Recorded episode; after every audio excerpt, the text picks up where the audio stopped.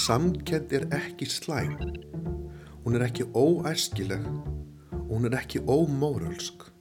Hún er líkamlegt viðbrað sálarinnar við þjáningu annar.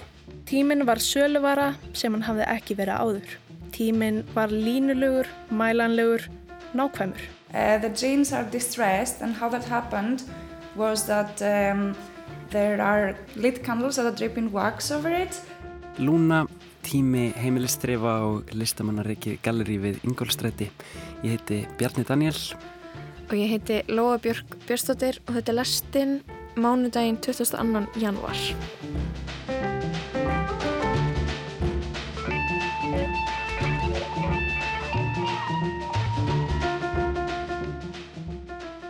Setna í þættinum ætlum við að velta fyrir okkur tíma og heimilistrefum og við ætlum að kíkja í heimsóknir í bæ í glænýtt galleri en við ætlum að byrja því að fara í leikús.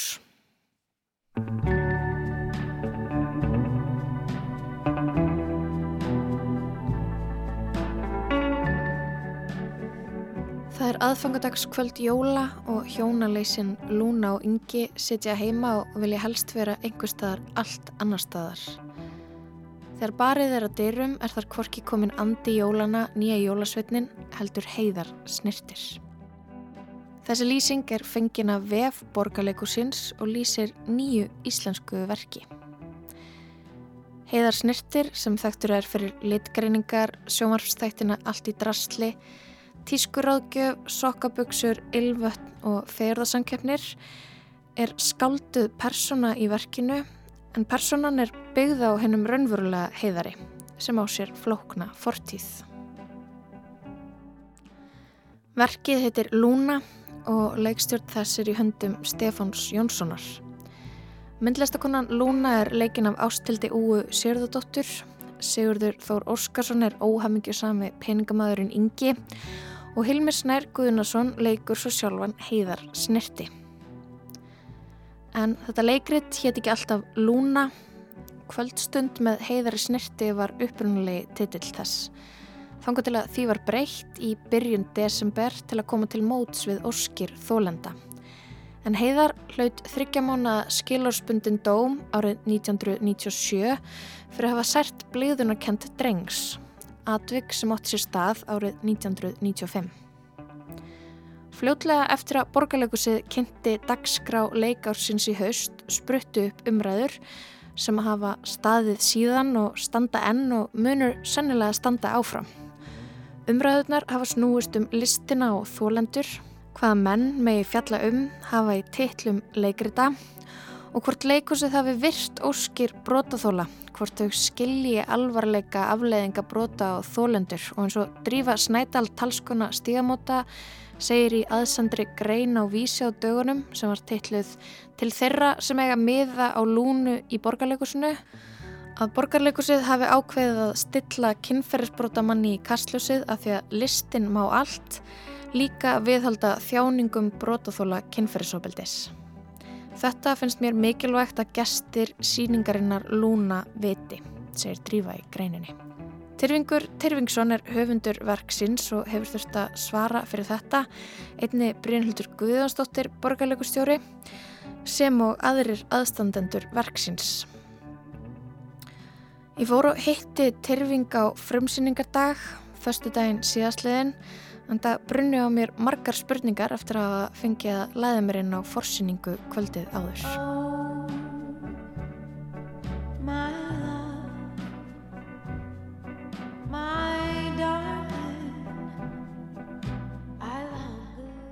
Um, fyrst það sem ég langar að vita er bara okkur langaði að skrifa um heðarsnerti Sko maður er náttúrulega ekki alveg frjáls í þessu starfi og ég man því ég fekk þessa hugmynd að hún yfirgaf mig bara ekki.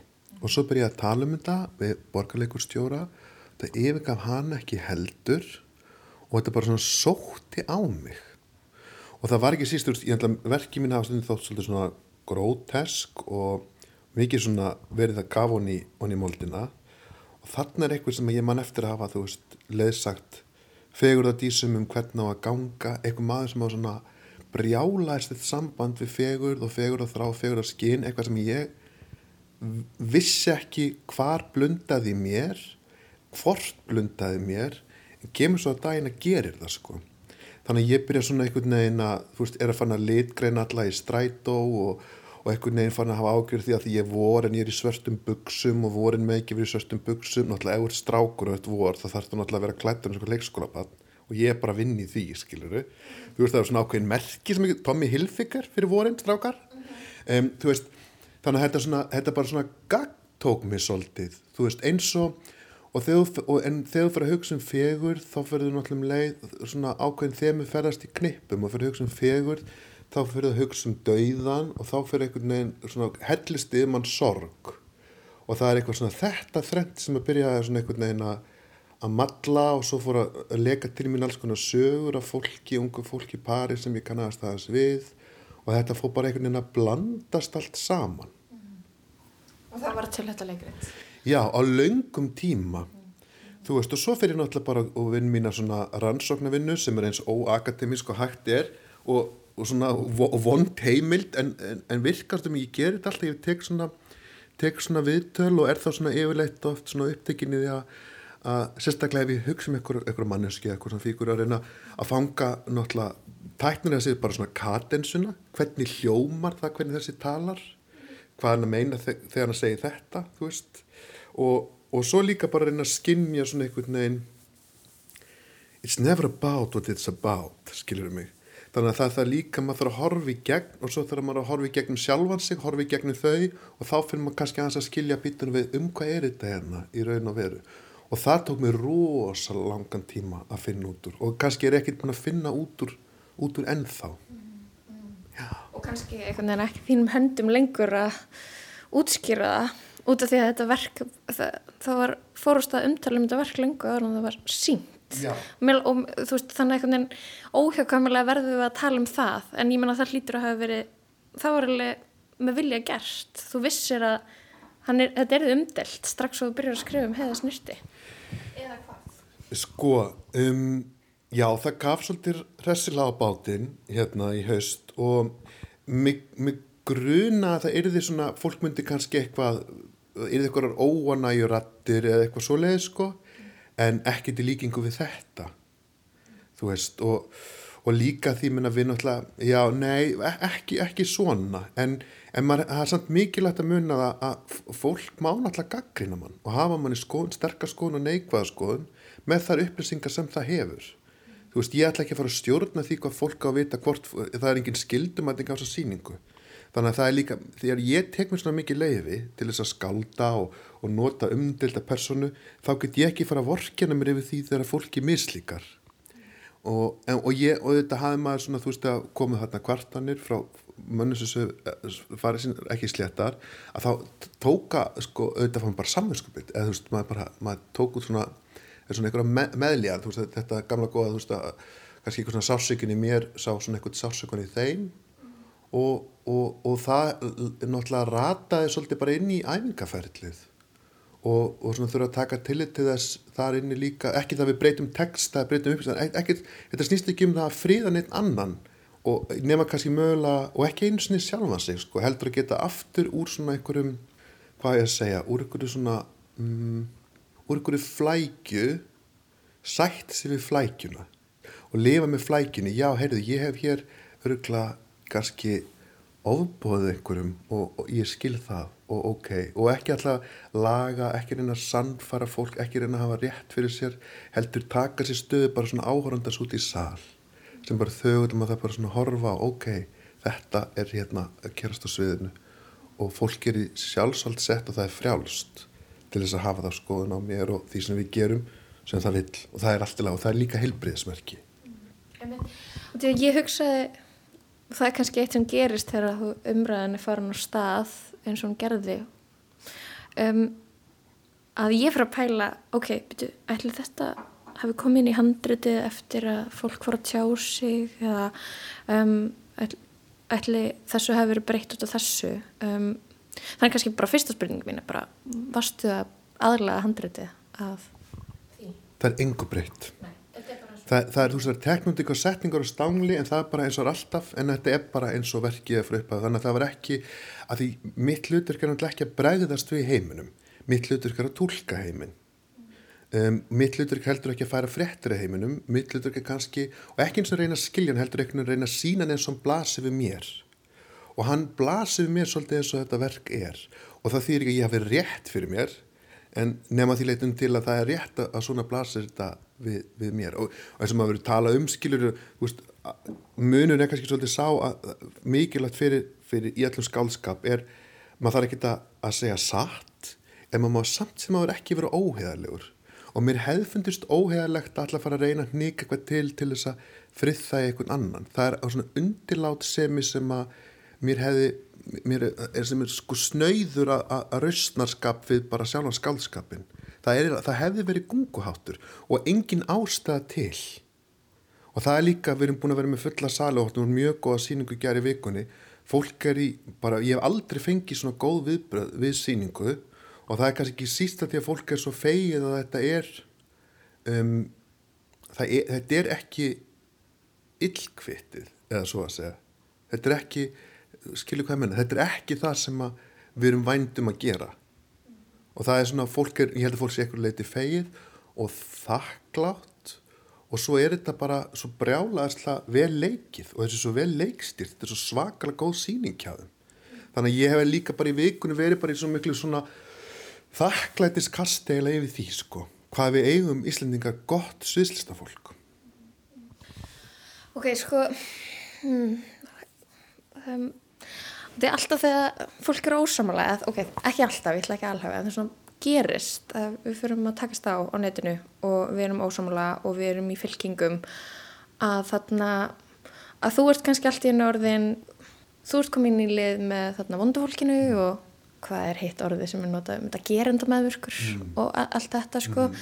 uh, að, að þarna að einhvern veginn að gera það sem þið gerðu sem var kannski að, að taka tillit og hvað, þú veist, þannig ég ætlaði að spyrja þig hvort að þið finnist þú eitthvað að hafa luffað fyrir um, einhverjum röttum með því að breyta nafninu á síningunni út því að það, það sem ég hugsaði í gær mm. þegar ég sá þetta var já, en þetta er kvöldstund með heðarisnirti mm. þetta er ekki Lúna, Lúna er stór karakter mm. þetta er sagan en að Lúnu já. en ég er á kvöldstund með heðarisnirti og það var það sem verkið átt að heita finnst þér þú að hafa luffað? En þú svaraði sjálf þetta er sagan en að lúnu. Þetta er sagan en að lúnu. Og það er bara gömul hefð fyrir því að nefna verki höfuð á, á Kvempursson við höfum náttúrulega aldrei gert það. Það var einnig sko, í þýðingu hefði það mögulega orðið lúna sko. en lúfa, ég veit ekki. Þetta var náttúrulega, þetta var samtalið mann sem að ringdi og, og bað um þetta. Og, og sagði að sér liði tölvöld mikið betur ef við gætum breytt þessum tilli var, þetta var tillega frá honum komin og, og mér, mér okkur leið vel með að gera það. Mér var það einhver leiti ljúft og skilt og, og einhverjum finnst maður kannski að var lúfað og ég myndi segja mér finnst þetta betra að tala um að lúta að lúta því sem að maður er beðin um. Þú veist að lúta heiminum stundum að, að þú veist að semja. Og já, að komast að samkommulagi veist, við þennan herra. Og, og það er bara mjög góð tilfinning. Ég, mér leið ekki illa með það sko, en ég skil sem ég sjá þetta, þetta og með auðvitað því það er búið að kynna hindtitilin líka að þá náttúrulega auðvitað hugsa fólk að það sé sáttitil og það er allt í góðu sko. En, en þetta var svona eitthvað auðvitað svona eitthvað saminskapspurning og samkomla og við, hún bara okkur leið vel með það, það er líka ef ykkur, ef ykkur ber sér upp um mann og, og vill að maður svona einhvern veginn sjá eitthvað, sjáu sásöka þeirra og maður getur gert eitthvað til þess það er það náttúrulega búin að gott, þú veist. En svo er það kannski misetn og klúður og fólk ekki nóg of mikið hvað sem er en það var svona, það var eitthvað, eitthvað kannski bara eitthvað eigin friðþæging sko. Um, komur á óvart en ég, ég, ég vissi náttúrulega ekki alveg við hverju ég ætti að búast þegar ég fór að sjá þetta í gæri en mm þetta er sagan hans heiðarsnirtis og kannski eitthvað skáldað líka. En maður heyrir samtali maður man eftir hlutum og veit að þeir eru sannir skilur uh, og ógeðslega einhvern veginn fyndin uppröfun á því hvernig stemmingin var á Íslandi þú veist, fyrir einhverjum árum. Ógeðslega svona skemmtilegt svona tímahylki líka. En kom mér óvert að ég endaði einhvern veginn á að þarna að bara þykja ógeðslega væntum hennan mann hafa kynstunum og þykja væntum hann um, og ég er svona velta fyrir mér þarna hvort þú vissir að það er þannig þegar þú skrifar þetta Það er alltaf markmið allra leiksninga er að verka sem þessi svona empatíu vél. Leiksviðið er vél sem býr til empatíu, fjöldaframlegarna. Það er bara hugmyndin með leikúsi. Karðarsis er þetta við finnum saman til um, samkenda hvert með öðrum og þjánugu heimsins. Þannig að það er alltaf æskilegt í öllum leikritum og það er alveg sama hvaða personina það er. Þú veist, það, um, þú veist meirins að Macbeth þar finnur það að endingu til samkendar með honum og að, það, að finna til samkendar með persónu leikriti er aldrei slæmt sama hver á í hlut sama hver það er samkend er ekki slæm hún er ekki óæskileg og hún er ekki ómórölsk. Hún er líkamlegt viðbrað sálarinnar við þjáningu annara og þetta er engin manipulasjón þetta er bara einhver dýfsta tilfinningi sem við eigum. Og mér finnst gott að ofbjóðinni ekki útísenni ekki og nota og, og sko reyni ekki að beið, þvinga þvingan eða beita einhverju raukugsun þar sem hún á ekki við. Svo ætla ég að spyrja annar spurningu sem kannski er kannski ósangend að spyrja þig að en er finnst þér eins og við séum tilbúin að eiga samtalið þar sem við segjum að okkur þykir vænt um ofbeldsmenn? Eða er of mikil reyði og of mikil opnum sárum? En þá? Sko það er náttúrulega þú veist talað oft um að línan sem gengur á milli góðs og íls hún liggur í gegnum þú veist það er ekki hægt að draga hana þú getur ekki búa hana til, þú getur ekki kalla hana fram að því hún liggur í gegnum hjartar sér hvers manns. Og það að afneita ofbeldi er náttúrulega í rauninni bara bæling og svona kollektív bæling hún tilur okkur öllum er auðvitað mismiklu leiti einhvern veginn í öllum og hún verður ekki það verður ekki kæft. Veist, við kæfum ekki þessa kendur og kæfum ekki þetta fólk og, og við erum allir í leikus alltaf bara að reyna að skoða veist, og sína og það er það sem við vinnum við. Þannig að ég veit ekki alveg hvað við hefum þá e, þú veist, ef við ætlum að fara út í þessu hvað ætlum við eiginlega þá að gera? Þetta er oft svona þráðinu svo bara eiginlega flestum leikbókmyndum.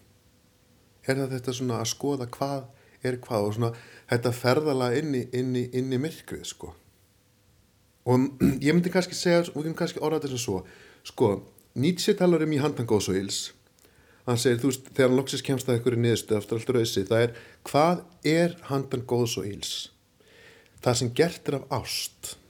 Og það er ástin sem liggur handan góðs og íls og það er það sem er rauninni snýst um. Veist, þetta, og það er það sem að ég held að ég hafi allan að reynda að gera í þessari verki og í þessari síningu að það er að gera þetta af ást og ef, ef hlutir eru gerður af ást það er kannski á næsta sem komast í að geta fjallaðum hvað er gott, hvað er íld og hvað er handan góðs og íls En svo hugsaði ég líka þetta er ekki eins og bupparsýningin, þetta er ekki nýju líf. Heiðar snirtir sittur ekki út í sal og, en eitthvað, eitthvað hlýtur að hafa verið samtalið við hann, svona við skrifin eða ekki? Að, að sjálfsögðu. Og ég held að þetta er að fá leiði frá honum og leiði líka til að fá að skálda því sumt af þessu byggt á því sem að veist, er reynsla hans lífs mjög margt ekki, mjög margt er skáldskapur. Og tók mér langa tíma að læra, að læra sko að tala í, þú veist, með hans orðum og tala svona tjá með þess að hann tjáir sig. Þannig að þú veist, þetta hoppar á milli, þetta er agaleg heimild. Af því þetta er svo mikið logið, skiluru en, jú, ég, hérna, ég er alltaf þekkt hann ekki neitt fæði þessa hugmynd og hef samband og hann er strax tilbúin að gefa mig tíma sinn og við spjöllum og, og hans er persóna í verki og ég les líka æfisögun hans og, og, og kynnistónum og svona pæli mikið í honum og hittan, við hefum ekki hist oft en hittan og já, fengi og fekk þetta svona leiði og ég get líka bara sagt mér, og ég, þykir mjög væntum hann. Og ég ætla ekki að setja hann og segja já hann er lögulega mér þykir mjög væntum hann. Og ég veit að fortíð hans og mér þykir væntum hann. Allt á sama tíma. Og það er ekki í flækju eða einhverju kási það er allt bara einhvern veginn bara svona fallegum haug sko. Þú veist, samtímis. And time goes by so slowly. Um miðbygg verksins fór ég að hugsa um ástarsambönd Karlmanna. Ég fór að hugsa af hverju ég væri á síningum heiðar snirti sem er í verkinu skáldu persóna og þó heiðar sé ekki ofinbarlega hinsegin, þó er samt um stóra hinsegin fíkuru í íslensku menningarlífi að ræða.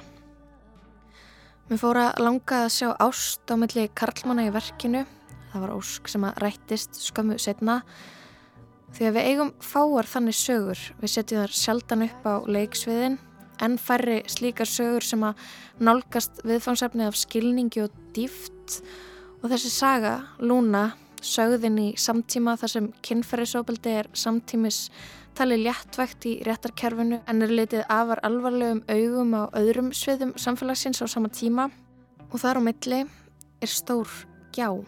Þannig að þessi saga Hún verður líka tilefni til þess að skoða ástarsambönd Karlmanna og það er stutt í flókna fortíð, skömm, flækjur og jú líka ofbeldi.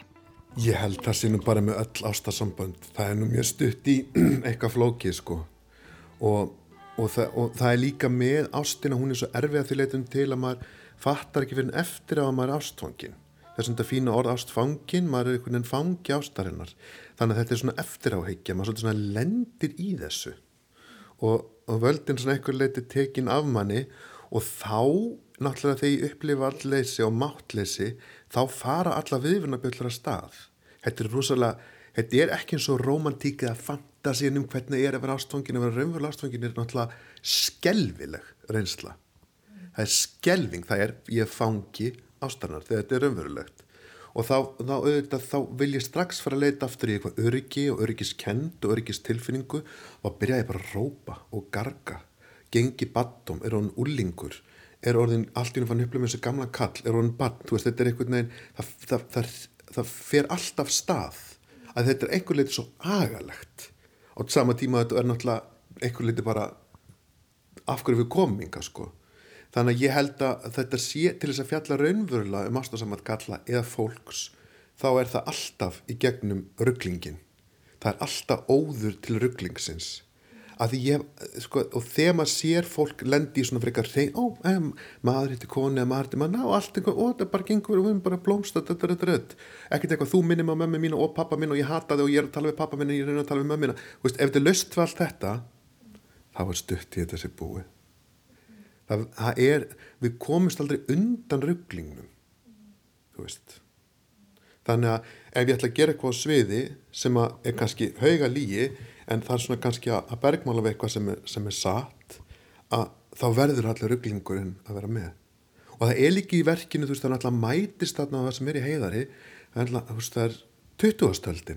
það mætist þarna 20. og 21. þú veist, hann, þú veist og, og, og þau átök þau eru náttúrulega, maður finnur þau allstaðar og líka bara milli kynnslóna en líka bara einhvern veginn hvernig nástíkin en að breytingar þessir hali 2000-aldarinnar hann er svo miklu leiti óuppgerður og er einhvern veginn dragnast með hann inn í 2001-aldina mm. þannig að það er svolítið svona og það er það, við dröslum þessum anskotans halein í allt mm -hmm. Ég held að kannski, þú veist, sem hérna uh, á, eða þú veist, sem einhvern veginn áhórandi og, og maður er að hugsa um þarna heteronormatífu á sviði er að þú veist svona strax og ég spyrði og þú fyrir að tala um, svona svara mér bara já, og sambönd, ástafsambönd kalla og ástafsambönd kannar, þú veist, þetta er ekki hmm, þetta er ekkert ólíkt er þetta ekki bara það sama? þó mér langi að trúa því að, að þetta sé einhver, ver, einhver, svona, einhver veruleiki sem að, að ég þarf að skilja og hann sé svo komplexar og ólíkum þau eru um sambundum sem maður þekkir sem eru að milli gagstar að kynja. Hann er auðvitað auðvitað um margt ólíkur en hann er, hann er öllum skiljanlegur þú veist.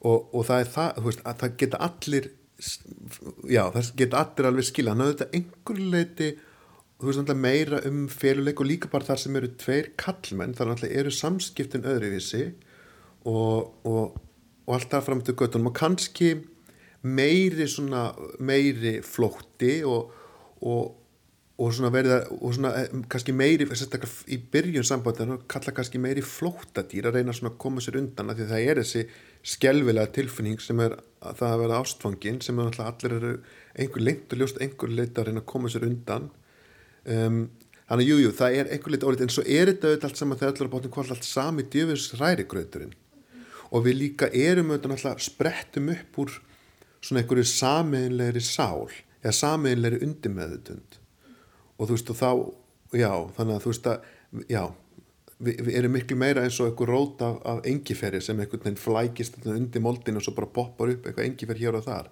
Þetta er, eins og segi, þetta er svo mikill flækingur og við vitum það, alltaf við erum öll svolítið þar held ég.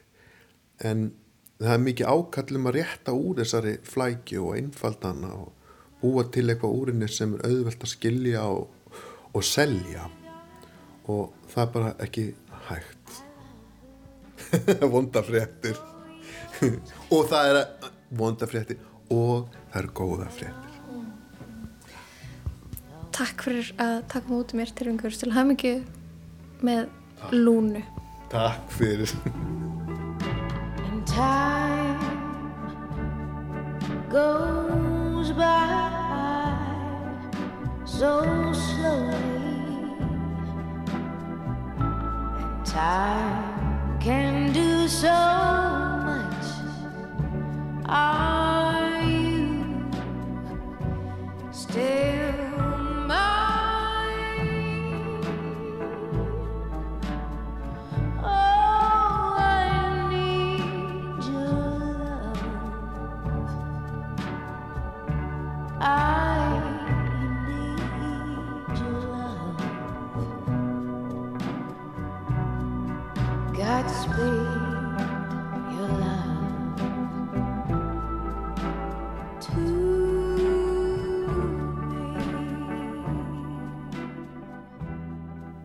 Jones syngur Unchained Melody og þar undan rétti ég við Tyrfing Tyrfingsson leikskáld um nýja síningu sem er verið sínd um, já, næstunni í borgarleikursunu. Akkurat, en nú ætlum við að skipta allrækilegum gýr. Eh, Guðrún Ulfarsdóttir er uh, nýr pislahöndur hér í lestinni, hún er landfræðinemi og í sínum fyrsta pisli er hún að velta fyrir sér þjóðfræði heimilistrifa og kapitalískri tímaskinjun. Við gefum Guðrúnu Ulfarsdóttir orðið. Ég tæmi þvottakörfuna og seti vél. Strík af gluggakistunum og myndarömmum, fer út með ruslið, flokka það ofur varlega eftir nýjustu fyrirmælum, vaska upp eftir matinn. Þvottabillin er búinn, ég hengi upp. Ryggsuga, skúra, skrúpa, bóna. Heimilið er orðið hreint og ég á mína verðskulduðu kvildarstund. Svo líða dagarnir, það bætist stöðugt í þvottakörfuna, hreinum áhaldum fyrir fækandi og reikmís byrja að myndast í hornum. Ég er komin aftur á byrjunarreit. Þetta fer ring eftir ring eftir ring eftir ring.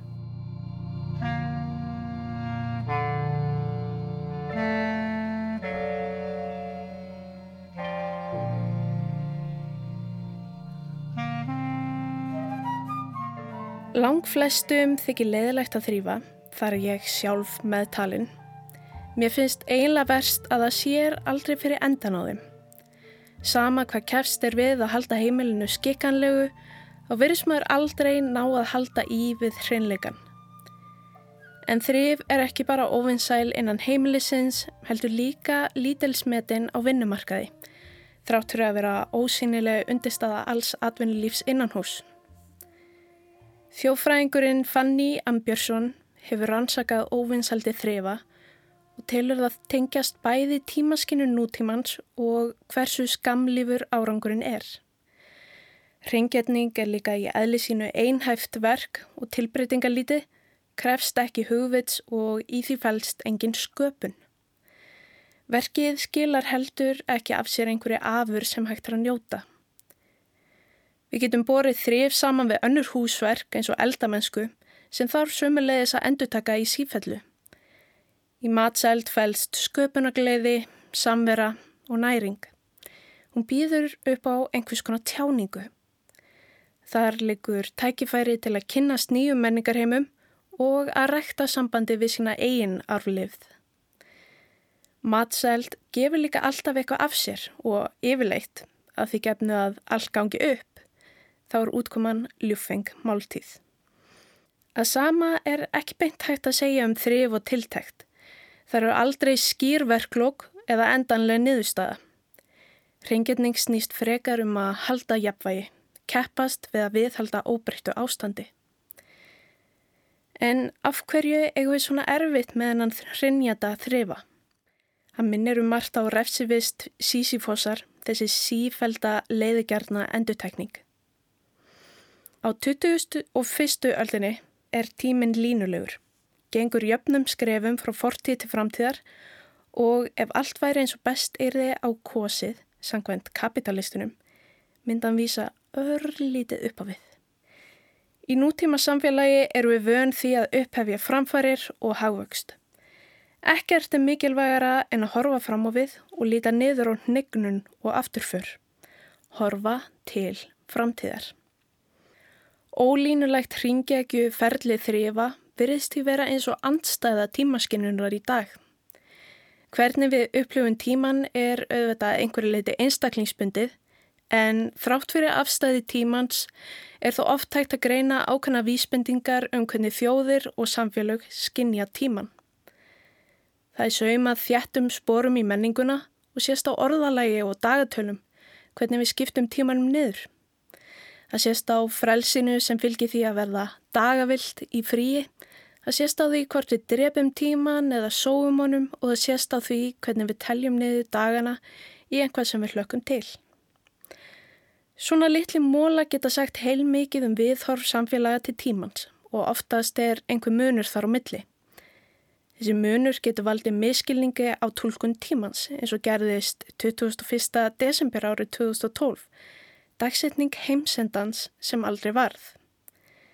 Þennan dag endaði Baktún, laung tímaeining með amerísku mæjana sem gati í hugum sumra tákna endalók veraldarinnar eða að mæjarnir gætu einfallega hafa átt eftir að útbúa næsta dagatal.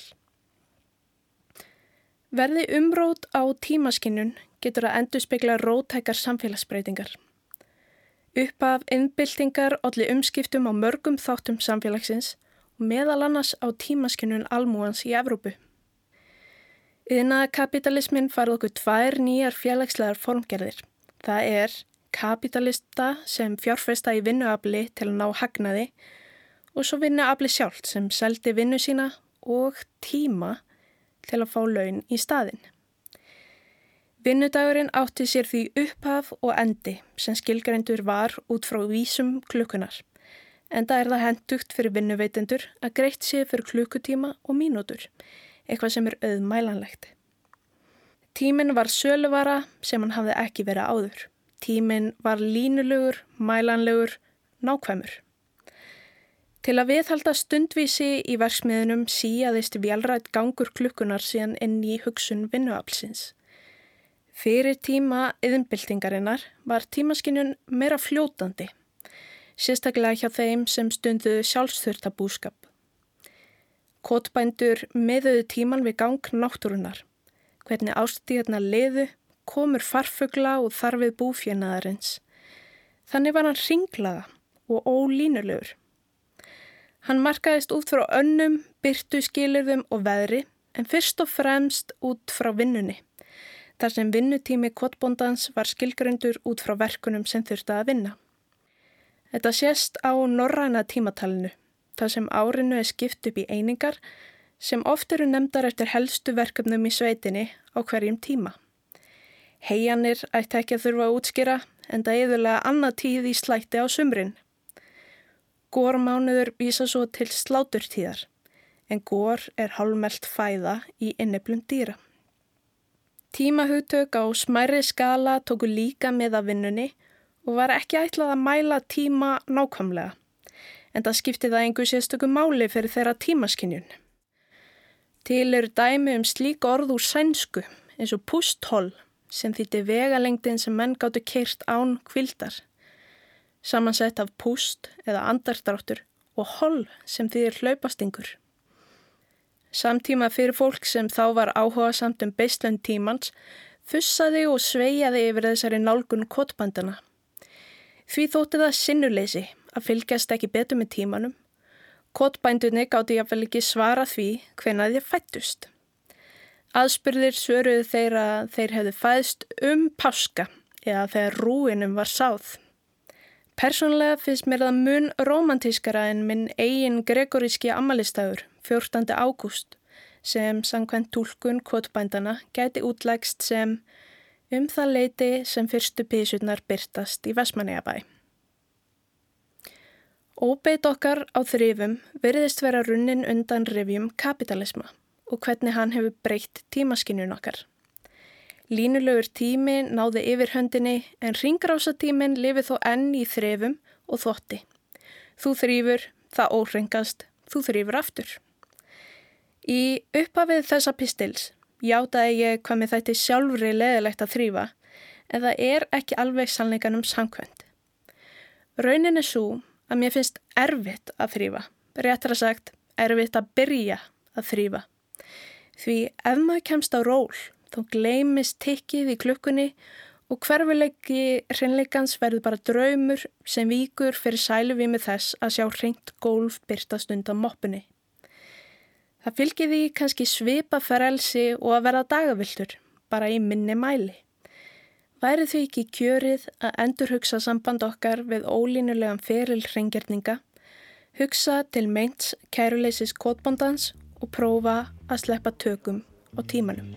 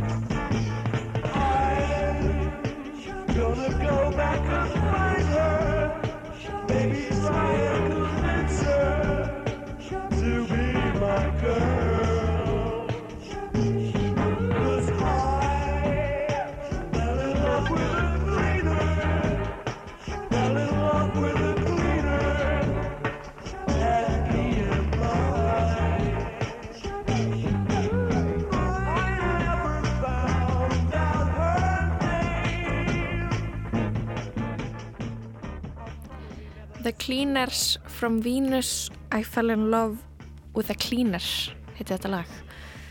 Svolítið góðu titill. Og fallegt stykki líka. mm um, þar undan heyrðum við í Guðrunu Úlfarsdóttur hún er glænýr pislauvendur hérna í lestinni. Um, já, ég tengdi við margt sem hún var að tala um en sérstaklega svona fara dagavilt í fríi. Um, þá er maður eitthvað neginn uh, þá er maður að lifa lífinu Algjörlega þá er maður frjáls, þetta er eitthvað svona, eitthvað pæling sem að, hérna, sem hún tengi við sko kapitalisman eða sérst innbyltinguna, þá breytist tímaskinnið okkar uh, og hún var að tala um að, að við ættum að sleppa tökum á tímanum, hún hvetur okkur til þess að sleppa tökunum og, og tilenga okkur kæruleysi kotbúndan sem er þetta mjög góð pæling. Hugsa um tíman sem eh, einhvern veginn sko ring frekar en línu. Þetta er mjög gott líka, gott að fara að tala, tala um þetta sko fyrir fólk sem er alltaf seint, allt sem það mætir. Bara segist vera frjáls undan oki tímans sem er fundin upp af kapitalistum eða eitthvað. Það er bara góð afsökun. Uh, en eh, hvað um það, við ætlum að uh, skipta aftur um gýr, við ætlum að kynast til til að nýstofnuðu listamannareknu galleríi nýri bæ. Það er gallerí á milli sem stendur við Ingolstræti í miðbænum.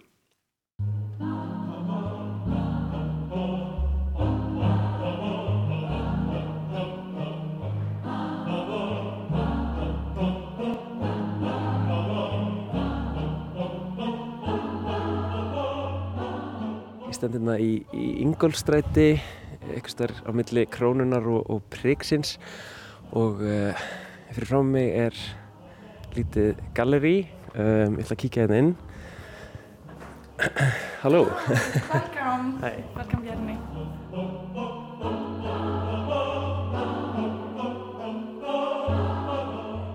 My name is uh, Katarina Spathi, and I'm one of the team members of Amigli, which is an artist-run, community-run space located in the heart of Reykjavik. Should I introduce the space or? yes, let's have a tour of the, of the space. Yeah, please come in.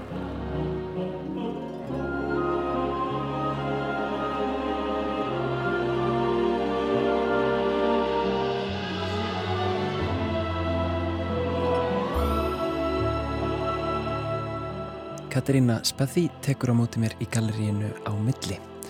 Á milli er listamannarreikið samfélagslega reikið gallerí og Katarína er hluti af þeim hópi listafólk sem sér um rýmið.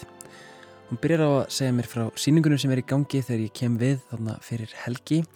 Tvímaralaust nefnist síningin, þetta er síning Helgu Guðrúnar Þorbjörnsdóttur sem gengur undir listamannsnafninu Kók Hór. Síningunum lauk reyndar í gær en hafði þá staðið síðan 7. januar. It's by Helga Gudrun Þorbjörnsdóttir, otherwise known as uh, Coke Whore. That is her artist name. Can you describe what we're looking at actually right here? Sure, This is, yes. There's a lot going on here. Yes, it is an installation um, of a piece of wood and a pair of um, jeans that are attached to it are hanging in the space from the ceiling.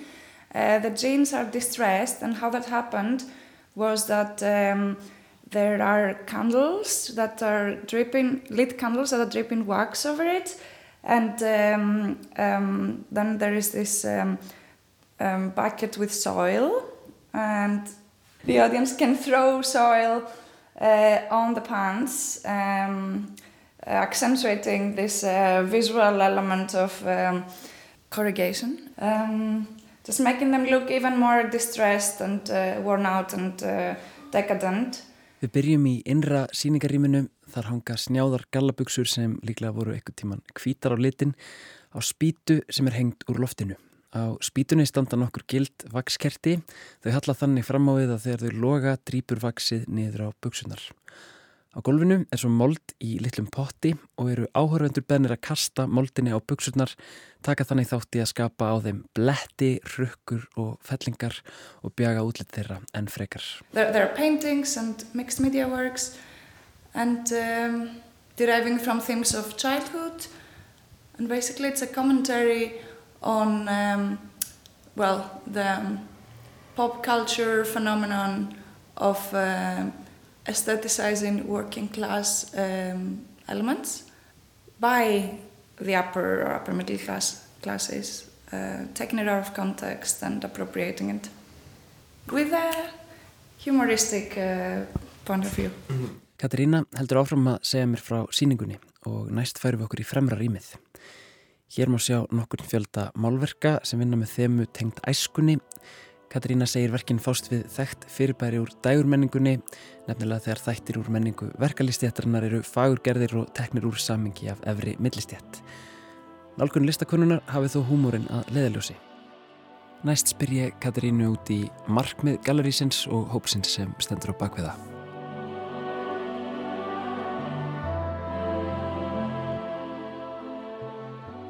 The goal is to represent the local emerging art scene as it is in its plurality. As I said earlier, the community element is very important to us. We are striving to persevere and stay open because our history has shown us many artisan spaces don't stand the test of time. So we're thinking of this long term. We signed a lease with a space also, and um, it's quite long term, so we're very happy about that. Markmiðið sé að skapa rými til að sína upprennandi listasennu Reykjavíkur í allri sinni fjölbreytni. Samfélagsleg nálgun skiptir hópin miklu máli sem og varanleiki sagan hafi sínt fram á að listamannareikin rými eða til að vera nokkuð skamlíf. Langtíma hugsun sé leikilatriði þegar við til að mynda haft þetta í huga þegar skrifað var undir leigusamning. En það var einmitt í oktober sem Galleri á milli hóf starfsemi sína ofinberlega og uh, ég var forrættin hvernig þessi tími hefur verið fyrir hópin. It's been uh, very nice. It's been a bit of um, wild run. there were a lot of things to, to fix at the space. We're currently working on the space next door. As you see, it's the continuation of the exhibition space. It will be more of um, dynamic um, sort of. It will have more dynamic program, more frequent program with uh, performances and uh, short-term exhibitions and uh, uh, workshops and uh, film screenings and such. We're looking forward to that because we feel like it will create even more a sense of engagement within the community. It's been quite nice. Of course, it's a passion project for all of us. This is not a commercial gallery. We work very closely with the artists, and it has been very nice to work in this tempo with them and uh, be part of the creative process. Uh, we're in this together. We're here to support them, and they are become part of the team at least for the time that they work with us. Það hefur gengið vel að koma galleríunu á fót en þetta hefur engar síður verið brjálaður tími, segir Katarína. Að mörgu þarf að huga og það hefur verið umfangsmikið verkefni að koma rýminu í sæmilegt ásikomulag. Innaf innra síningaríminu er enn annað herbergi sem nýtist í dag sem gemsla fyrir ímislegt en stemtir að því að nýta það líka stækka síningarímið. Hugmyndin er að þar verði dýnamískri dagskrá og reglubundnari Þetta verður rými fyrir gjörninga og performansa, skamtíma síningar, vinnusmiður, kvikmyndarsíningar og fleira til. Markmiðið sé að eiga í virkara samtali við nærsamfélagið. Katrína segir að þrátt fyrir að þetta hafi allt saman kostað mikinn tíma og vinnu hafi ferlið verið mjög ánægulegt. Á milli sé ástriðuverkefni ekki hagnaðardrifið batteri. Þau vinni náið með því listafólki sem sínir verk sín í rýminu og fái að einhverju leiti að taka þátt í sköpunarferlinu. Listafólkið verður þannig hluti af teiminu á meðan þau eru að vinna í rýminu. Rýmið sjálft hefur reyndar verið síningarrými í nokkur tíma þó lítið hafi verið um að vera þar undanfarið ár eða svo. Það fekk svo nýtt nafn þegar núverandi hópur tók við taumunum í oktober en Katrína segir okkur næst frá þessu nafni á milli. Yeah, a midley, it uh, entails this energy of um, being between, for example, um, the flow and movement that uh, is in life and uh, the energy between uh, objects and uh, situations and relationships.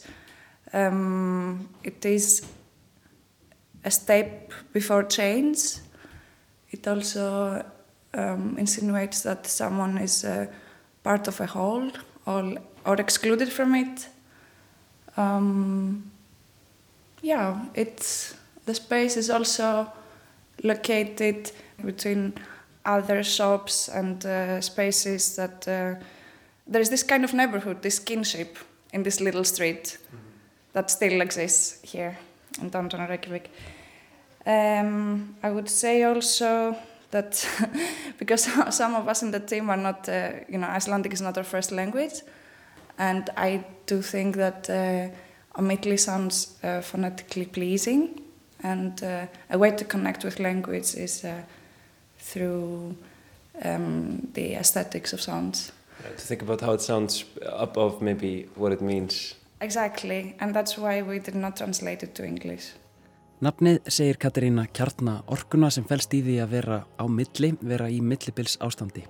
Hún talar um flæði og reyfingu lífsins og orkuna milli hluta, aðstæðina og sambanda. Skrefin milli áfanga eru skrefi átt að breytingum. En nafnið getur líka gefið í skina að einhver sé hluti af heild eða útilókaður frá hópnum. Og svo mætti ég jafnvel tólka það sem svo að það segja eitthvað um staðsetningu gallerísins á milli búða, veitingarstaða og bara þarna í Ingolstrætinu. Nágranna stemmingin á þessum slóðum er góð, segir Katarína, slíkt fyrirfinnist ennþá í miðbænum.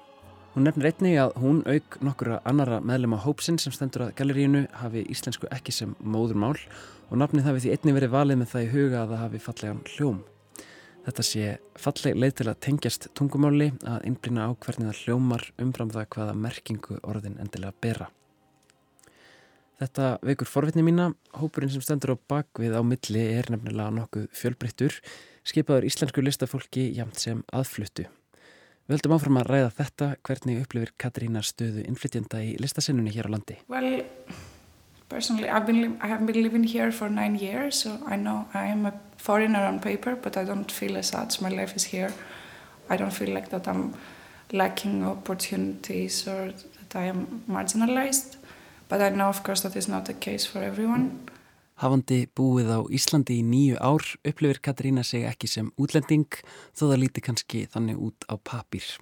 Hún upplifir ekki að sig skorti tækifæri eða sé jaðarsett en gerir sér þó grein fyrir að þetta eigi alls ekki endilega við upplifun allra. There are initiatives that are happening. Um, Gallery Kanski is really good. We have in a program um, representing uh, artists of foreign origin. Like they, this is kind of their manifesto. Yeah, I haven't been yet. It's a quite new space, but I really admire their work.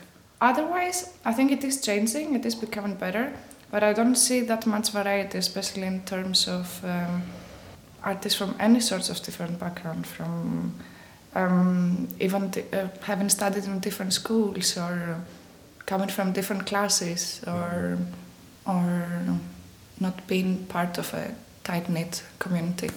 We can do better. Katrína minnist á galleri Kanski sem stendur við Lindargötu í Reykjavík. Yfirlýst markmið þeirra sé að sína verk listafólk sem til er ímsum minnilötuhópum, óháður einslu og bakgrunni. Að öru leiti sé listasinnan því miður nokkuð einsleitt en þetta sé þó að batna. Næst spyr ég Katrínu hvað sé framundan hjá á milli. So yes, uh, we are excited about all of the projects that we have booked so far for the year. But um, maybe I can mention something different. A festival that is going to happen here. Well, it's one of the exhibition venues. Will, Amitli will be one of the exhibition venues of Head to Head, which is a bilateral festival between artist-run spaces in Athens and uh, Reykjavik. This is of special significance to me as well because I am from Greece. I am very excited about that.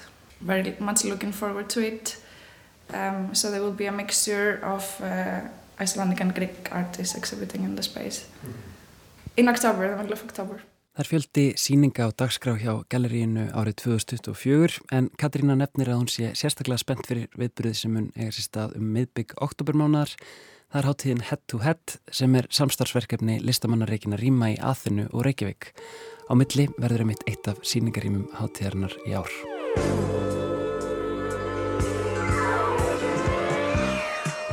Katarina, thank you for taking the time to show me around.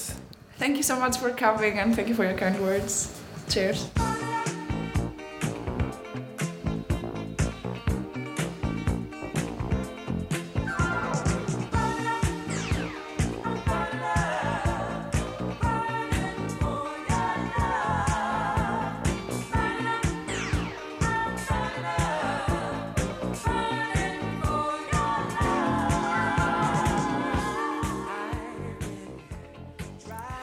Þetta hugulega lag er í bóði Donnells nokkurs Pittman, það heitir Burning Up, virkilega gott en þar áður kynntist við Katarínu Spathi, hún er eh, ein af þeim sem skiplegur listamannarekna gallerið á milli sem stendur við Ingólstræti í Reykjavík. Uh, mjög gaman að heyra hvað þau eru að spá þar. Mm Algjörlega og ég bara hlakka til að kíkja á síningu þar. Um, við erum komin að leiðalögum í lestinni í dag. Erum mjög ánægð með Sigur Íslands á Króutum eða allavega ég, kannski ekki. Já, ég er, ég er líka mjög ánæður en ég veit ekki, mér er kannski smá sama. Það leiðinlegt að helst ekki Ég í hendur að Nei. vera ánæður og sama. Ég er svona smá kannski handbólta fílupúki Ok.